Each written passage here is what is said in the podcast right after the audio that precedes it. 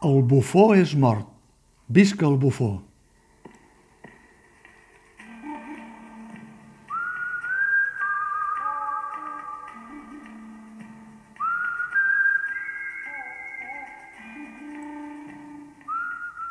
La companyia Juglars ja no és la companyia Juglars des de fa temps. Això ho sap tothom i no és profecia. Però Ramon Fonseré, l'hereu de la trup i amic íntim d'Albert Boadella, continua amb la patent de la casa, convençut que el paper que van jugar els juglars 40 anys enrere encara és possible avui. La sàtira és necessària i sana, sí. Per això la sàtira dels temps daurats dels juglars va ser ben rebuda i aplaudida, perquè va ser capaç de gratar en les entranyes de qüestions i de personatges a qui semblava que no es podien tocar mai. A banda de l'obra La Torna, el judici militar que va patir i la fugida rocambolesca de Boadella, ajudat per companys d'ofici que van protagonitzar els primers clams a favor de la llibertat d'expressió, hi ha qui esmenta sempre Operació Ubú, on els juglars, el 1981, amb la conxorxa del Teatre Lliure d'aquell temps dirigit per Lluís Pasqual, van jugar amb el president Jordi Pujol molt abans que les circumstàncies actuals juguessin també amb ell. Després, el 1995, Albert Boadella va repescar aquell muntatge, Ubú president, i el 2001, els juglars, amb el títol Ubú president o els últims dies de Pompeia, la van incorporar a la trilogia de figures catalanes, la de Josep Pla, el 1997, amb la increïble història del doctor Floyd i amb Mr. Pla, i la de Salvador Dalí, el 1999, amb Dalí. Quan ara els juglars de Ramon Fonseré han optat per caricaturitzar o ridiculitzar més aviat el procés d'independència de Catalunya amb la figura de Santiago Rossinyol com a cap de turc, els temps han canviat prou i la sàtira arriba desfassada, repetitiva, sospitosament teledirigida des de posicions catalanofòbiques i dramatúrgicament insípida. Se salva, esclar, el treball escènic, la interpretació del mateix Ramon Fonseré, que és un actor de cap a peus que no hauria de deixar-se degradar per passions estèrils heretades de l'autoodi.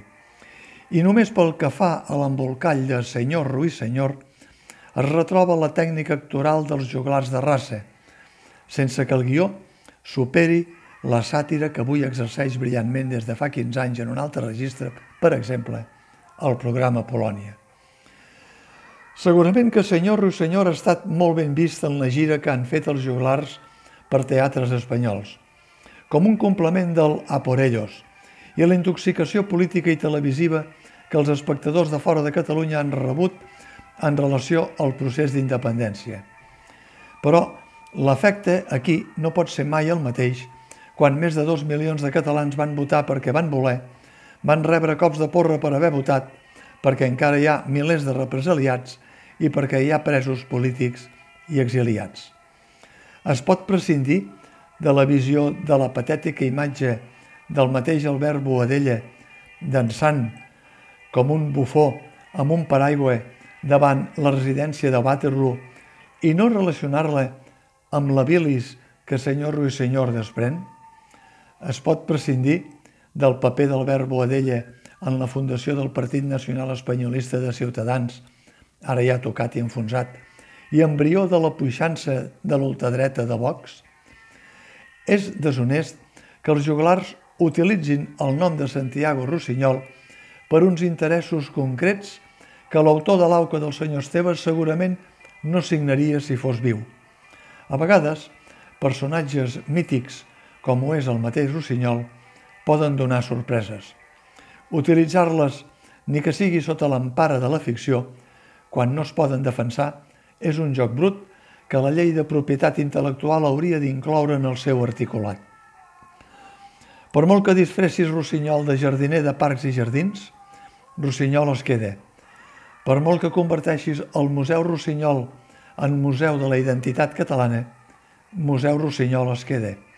Vull dir que un recurs que s'assembla molt a un dels recursos de Polònia, el d'aquell conserge amb barba, d'un museu, que de tant en tant fa visites guiades amb un grup de turistes per ensenyar-los com eren i què feien certs personatges del passat, quan això puja a l'escenari, ni que sigui de la mà dels juglars actuals, desprèn un perillós déjà vu, sense que això signifiqui que hi hagi plagi, més aviat migradesa de guió. Què ha succeït perquè allò que era rebut com a sàtira dels juglars d'abans s'hagi convertit en els juglars d'ara en un simple escarni o humiliació vestit d'exercici escènic. Què ha succeït? Perquè el públic fidel que tenia els juglars a Catalunya s'hagi fos com un volado, ni que senyor Ruisenyor hagi tingut el detall de versionar-se en català en representar-se a Barcelona. Segur, admirat Ramon Fonserà i companyia, que passar desapercebuts per Catalunya o no actuar gairebé mai en els últims anys és fruit del fanatisme i la barbària, com dieu, dels espectadors catalans que s'han begut l'enteniment i han falsejat el passat i no us volen veure ni en pintura? No deu ser que de tant veure fanatisme en l'ull del veí s'acaba no veient el fanatisme en l'ull propi?